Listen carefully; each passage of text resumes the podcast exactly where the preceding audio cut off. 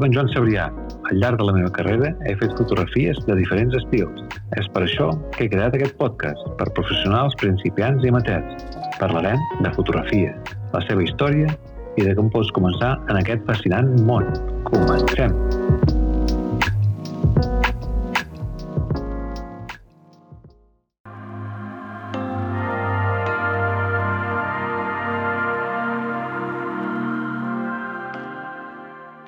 Hola, sóc en Joan Sabrià i us saludo des de Barcelona.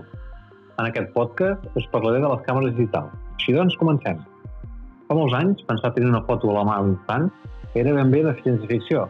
A més a més, la tecnologia ens permet compartir imatges en les diferents xarxes socials com ara Facebook, Twitter, Instagram, entre d'altres des del teu telèfon mòbil i hem hagut de recórrer un camí molt llarg. La història de la fotografia, encara que no sembli, o sigui, em refereixo a la fotografia digital, és molt més gran del que pot semblar, a causa del desenvolupament accelerat dels dispositius mòbils. Un dels factors importants és el desenvolupament de la tecnologia de sensors i sistemes de magatzematge, des de sistemes espacials fins a càmeres de laboratori. Passant, òbviament, per les càmeres domèstiques. En aquest podcast farem un repàs a alguns dels models escridaners importants de la història. Retrocedint en el temps, la principal diferència amb les càmeres analògiques, amb les que vam fer les nostres primeres fotos, això sí, unes quantes dècades d'empresa, i amb l'aparició de sistemes digitals que no necessiten d'una pel·lícula per guardar la informació, no hi ha processos químics per registrar la informació i transformar-lo en una foto. Sens dubte, un dels elements més importants del segle passat és la fotografia digital. Les fotos es registren, es registren amb sensors digitals i circuits integrats. Una altra cosa molt diferent és el seu emmagatzematge, que no es va començar a gravar en suports digitals. Va néixer que no existien les memòries tal com les coneixem ara. Aquestes càmeres el que utilitzaven era cintes, és a dir, suports magnètics tenir la fo les, les fotos transformades en uns zeros ens va portar a poder enviar amb i sense cables amb més facilitat. Pel que fa al sensor digital, la veritable màgia es va produir amb el CCD, anys enrere desenvolupat per projectes molt especials, però que en mans de Kodak va arribar un prototip de càmera del 1975. Al pas del temps va col·locar l'alta tecnologia dels sensors CMOS, o sigui, CMOS, com a líders del mercat, però no ens desviem del temps sense aprofundir molt en el tema d'en tipus de sensors o el seu funcionament, explicaré que aquest sensor fa la funció de pel·lícula fotogràfica de les anteriors càmeres. Com? Sí, sí, doncs està compost per semiconductors que capten els fotons amb major intensitat de la llum, major càrrega elèctrica. Cadascuna, cadascuna d'aquestes cèl·lules fotosensibles correspondrà amb un píxel. Així doncs, el primer prototip que va aparèixer va ser amb la marca Kodak l'any 1975, el prototip de càmera és el de Kodak i és molt més important del que sembla. L'enginyer Steven Sesson va tenir la missió de buscar una utilitat dels sensors CCD, amb l'objectiu final de crear una càmera en la qual no hi hagués cap part mòbil. L'encàrrec era simple i puntual. Tot havia de ser digital, des de la captació de la imatge fins a l'emmagatzematge de la informació. Per desenvolupar aquest projecte van trigar un any a donar-ho donar creant una càmera amb un pes de més de 3 quilos. Buf, que utilitzava un sensor de l'empresa Farsi Semiconductor, amb capacitat per registrar una resolució de 100% píxels. Era el desembre de l'any 1975 i les imatges eren en blanc i negre. El de les parts mòbils es va aconseguir a mitges, ja que els resultats es guardaven temporalment en una memòria RAM, però eh, després, si volien mantenir la instantània, per sempre calia gravar-la en una cinta. Després va, va aparèixer Sony llançant el model Mavica, el 1981, aprofitant l'avanç de la tecnologia en la computació i l'evolució de disquets, ha reduït la mida de, un, de 5 i quart a 3 mig. A principis dels 80 vam poder veure marques japoneses entrant en aquest nou terreny. Va ser la mateixa Sony qui va donar les primeres passes amb la seva marca o model de càmera Mavica. Important dir que no era una càmera de fotos, no, no, era una càmera de vídeo. Però la seva forma de gravar avançava moltes coses. Tampoc es pot dir que sigui una càmera digital, era una càmera de vídeo tradicional però guardava instantànies en disc magnètic, utilitzant electrònica més moderna de l'època. La resolució de cada frame, o quadre, era de 570 per 490 píxels. Uh, bé, doncs després apareix també Fuji llançant el model Fuji DS-UP al 1988, però amb targeta de memòria. Aquesta càmera de Fuji no va arribar uh, ahir, la, la llum, em refereixo com comercialitzar-se com a tal, però va ser el primer projecte que ens ensenyava com serien les càmeres digitals de mida compacta, sense massa canvi. Va ser presentada en 1988, al Fotoquina. Comptava amb un sensor capaç de registrar 400.000 píxels. I el que feia especial per l'època era la presència d'una targeta de memòria. Sí, sí, en aquell moment denominada com Stick RAM. Era un desenvolupament de Toshiba. Llavors, Logitech llança Photoman el 1990. Per les generacions més recents, els semblarà estrany pensar que Logitech va ser un pioner en el tema de càmeres ja en l'actualitat és un dels líders en articles d'àudio i accessoris per ordinadors, però coneguda amb diferents noms i venuda principalment als Estats Units i al Regne Unit. La Photoman, l'ICAM Model 1, només podia fer fotos amb una resolució de 320 per 240 píxels, en blanc i negre. La càmera només tenia un mega de memòria interna. El sensor era de tipus CCD, i com podeu intuir per les imatges, la lent era fixa, o sigui, no, no era zoom ni, ni, ni intercanviable, fixa.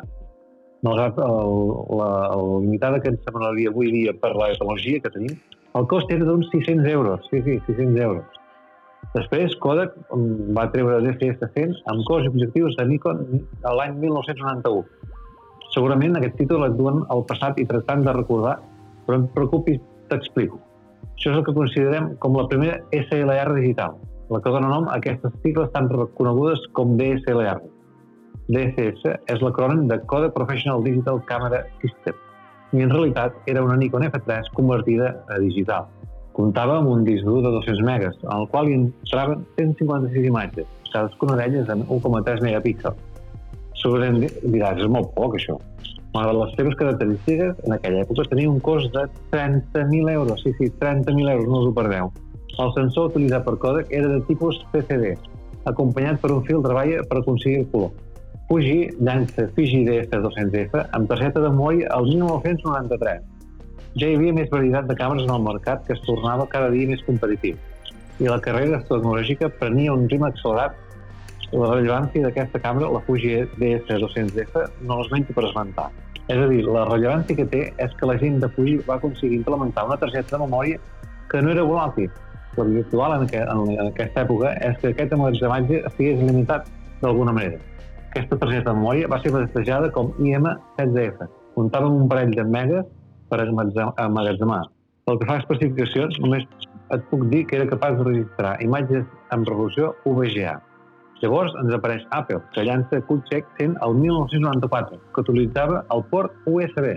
Sí, sembla una bogeria dir que ara mateix que Apple és un dels amos de la fotografia que circula per la xarxa, ja que un alt percentatge d'imatges estan creades amb els dispositius mòbils, és a dir, els iPhones. Però molt davant d'aquest boom, el gegant de la tecnologia que és Apple avui en dia no, no es podia quedar enrere en, aqu en aquella època. La companyia de Cupertino va jugar amb càmeres innovadores. La fotografia digital va entrar a l'Apple en el 1994 amb un dispositiu molt especial, el QuickTech 100. Sembla no tenir sentit eh, que la companyia que comptava amb una bona participació de mercat en la indústria de les computadores també volia tenir participació en el mercat de les càmeres.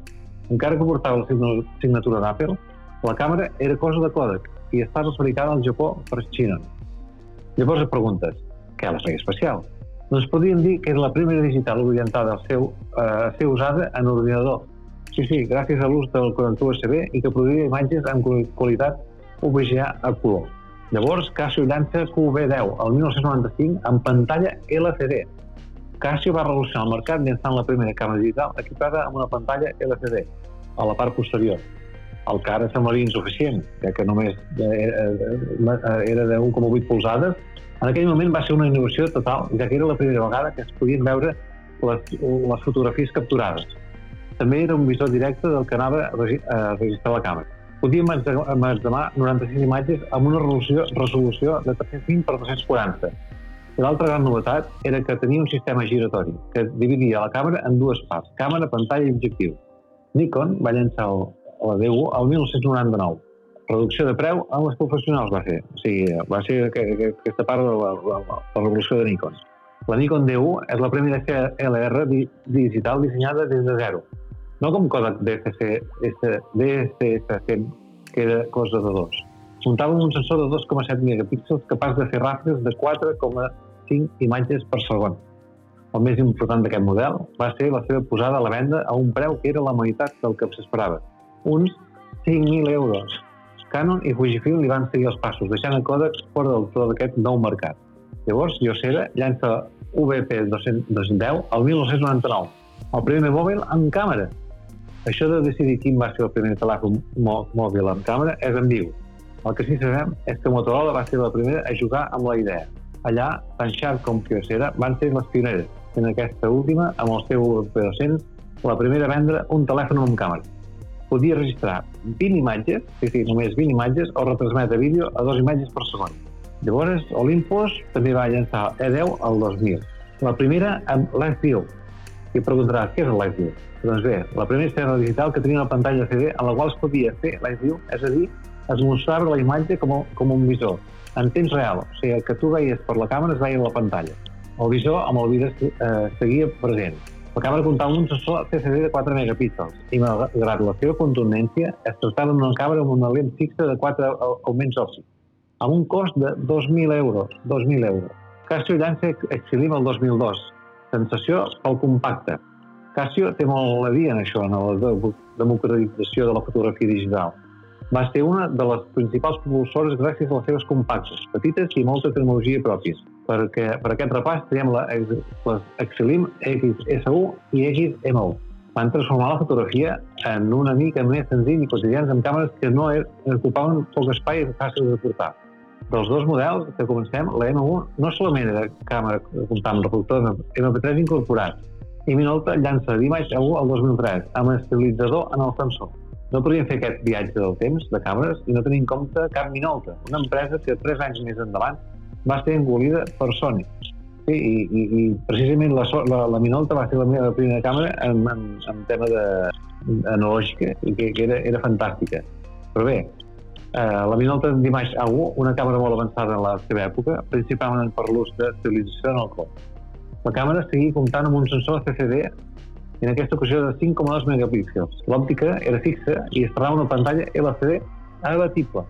Llavors, la Canon també va llançar l'EOS 300D el 2003, enfortint la DSLR. Aquesta Canon EOS 300D va ser la primera DSLR que es va vendre a un cost menor dels 1.000 euros. A partir d'aquí, la fotografia digital obria una gran finestra també per a aquells que no tenien pressupost o activitat professional. Havíem de destacar que el sensor emprat era de tipus CMOS, amb 6,3 megapíxels i comptava la muntura de Canon i la multitud de lents que això suposava. Canon va llançar l'EOS 5D el 2005, la full frame digital. 5D va ser la primera full frame digital del mercat, més de ser més barata i petita que tot el que s'havia creat amb anterioritat. Ens trobem amb un sensor de 12,8 megapíxels. El seu preu de sortida, 3.400 euros, era menys de la meitat que el vaixell insígnia de la marca en aquesta temporada la Canon EOS UDS Mark II, que en realitat l'EOS UDS eren les primeres full frame de la casa. Llavors, Kodak llança la Share One el 2005, una compacta amb Wi-Fi. Hem hagut d'arribar fins al 2005 per veure una càmera amb connectivitat Wi-Fi. Ho va fer Kodak en els seus últims cops de cua com a empresa potent al sector i ho va fer amb una, compact, amb una càmera compacta. La Kodak Share One comptava amb un sensor de 4 megapíxels i una memòria per amagatzar 1.500 imatges també resultava cridanera aquesta pantalla abatible de 3 polzades. Llavors no ens podíem deixar la gran Leica, que llança la M8 el 2006, la primera digital. Una història que ha sabut reciclar oferint marca i exclusivitat. També s'havia d'actualitzar al món digital. La primera Leica amb sensor de 10,3 megapíxels APS-H va ser la M8. Amb la M8 s'obrien les portes d'una qualitat de lents impressionants al món, de, món digital. A més, oferia un disseny i qualitat de construcció especial. I no podem deixar de mencionar la GoPro, que llança l'Aero 3 eh, el 2007, una càmera d'acció. Ja sabem que no és realment una càmera de fotos, més aviat és una càmera de vídeo, però no, no podem deixar d'esmentar-la, ja que les GoPro són càmeres d'acció i traien millor partit de tecnologia digital. Podien crear una càmera molt petita i resistent. Si haguéssim de quedar-nos amb un model, aquest seria la GoPro Digital Aero 3 de 2007 amb els seus 3 megapíxels i amb una resolució de 512 per 384 píxels. Sembla poca cosa, però el futur no estava tan lluny. Nikon llença a la D3 el 2007, la full, full, full frame amb la major sensibilitat. Sí, doncs Nikon va saltar el format complet en DSLR i va fer amb la D3, amb 12 megapíxels del seu sensor CMOS. Apostàvem per un comportament superior en situacions de poca llum, fins a estirar la, la seva ISO a 25.600. Una càmera de 5.000 euros, que també era un canó de ràfegues de 9 imatges per segon i 51 punts d'enfocament. També calia destacar la seva pantalla de 3 polzades amb 922.000 punts i View. Bé, doncs Apple llança l'iPhone el 2007, el retorn del gegant. I va arribar l'iPhone una gran aposta de gegant dels ordinadors tornava al tema de les càmeres, però ara incorporava un mòbil per competir amb els líders del sector com Nokia, Sony Ericsson o Samsung. El telèfon Apple, el telèfon Apple era més que qualitat. Era el que s'oferia un, un ecosistema d'aplicacions, una integració en el sistema, una interfaç ideal per una pantalla tàctil. Com sabem, en cada generació d'iPhone es va anar millorant la càmera a temps que el videocatge es convertia en el sistema més usat en les xarxes socials en llocs especialitzats en imatges. Llavors, Nikon va llançar la D90 el 2008, que gravava vídeo. Tornem a les SLR digitals amb un model de Nikon que no era gamma alta, però portava sota el braç una novetat, la gravació de vídeo. Llavors, Panasonic llança la Lumix G1 el 2008, sense mirall, Algú pot dir que no és una càmera increïble, però sí que és el començament d'una nova família de dispositius en els quals no hi ha mirall i s'introdueix un nou sistema conegut com micro 4 terços, sensor 4 terços. Així doncs, Nikon llança la D800 del 2012 amb 36 megapíxels. Mm, per, per, per l'època són, són, són molts, la veritat. Uh, la qualitat de les càmeres digitals a nivell professional estava més que demostrat, però sempre hi havia qui posava per davant a la pel·lícula. Aquesta idea va canviar per a molts d'aquests de conèixer el Nikon D800 amb els seus 36 megapíxels. Una càmera full frame que col·locava la companyia japonesa en el més alt en quant a definició. Fuji va llançar l'X Pro 1 el 2012 sense miralls amb, amb sensor X-Trans. Tracta d'un sensor CMOS amb mida PCC, que la firma japonesa està experiment d'una forma fantàstica i és capaç d'embotir en càmeres petites. De fet, només treballa en càmeres sense miralls. Llavors apareix també amb, amb Panasonic la Lumix GX4, el 2014, una gravadora de vídeo. Si hagués de triar una càmera personalment, un micro eh, 4 terços, i triar un model guanyador, sens dubte seria aquesta Panasonic GX4, orientada gairebé per complet a la gravació de vídeo, per qualitat, lleugeresa i per facilitat per col·locar objectius d'altres formats. Utilitza un sensor de 16 megapíxels i és capaç de registrar vídeo en format 4K amb un bitrate màxim de 200 Mbps i Sony eh, llança l'A7, un eh, en el 2015, full frame sense mirall. Sony es posa seriós i entra la competència creant els millors sensors, eliminant mirall i aparentment, a poc a poc, a crear un funcionament i un ecosistema de productes que poden ser alternativa a les grans marques del sector. Les càmeres que banderen aquest canvi són les A7, amb sensor full frame, en un espai minúscul i molta facilitat per gravar vídeo a alta qualitat amb 42, sí, sí, 42 megapíxels i totes les especificacions que poden esperar en una càmera professional. Bé, doncs és el moment de culminar aquesta missió. Ens veiem en el següent eh, podcast. Soc en Joan Sabrià i podeu veure el meu treball a les xarxes socials com Instagram, Facebook, com a Joan Sabrià Fotògraf. Ara també estic com a fundador del Club de Fotografia Iberoamericana a l'aplicació Clubhouse. Doncs bé, no us entrarem més. Una salutació des de Barcelona i fins al pròxim, fins al pròxim podcast. Ciao!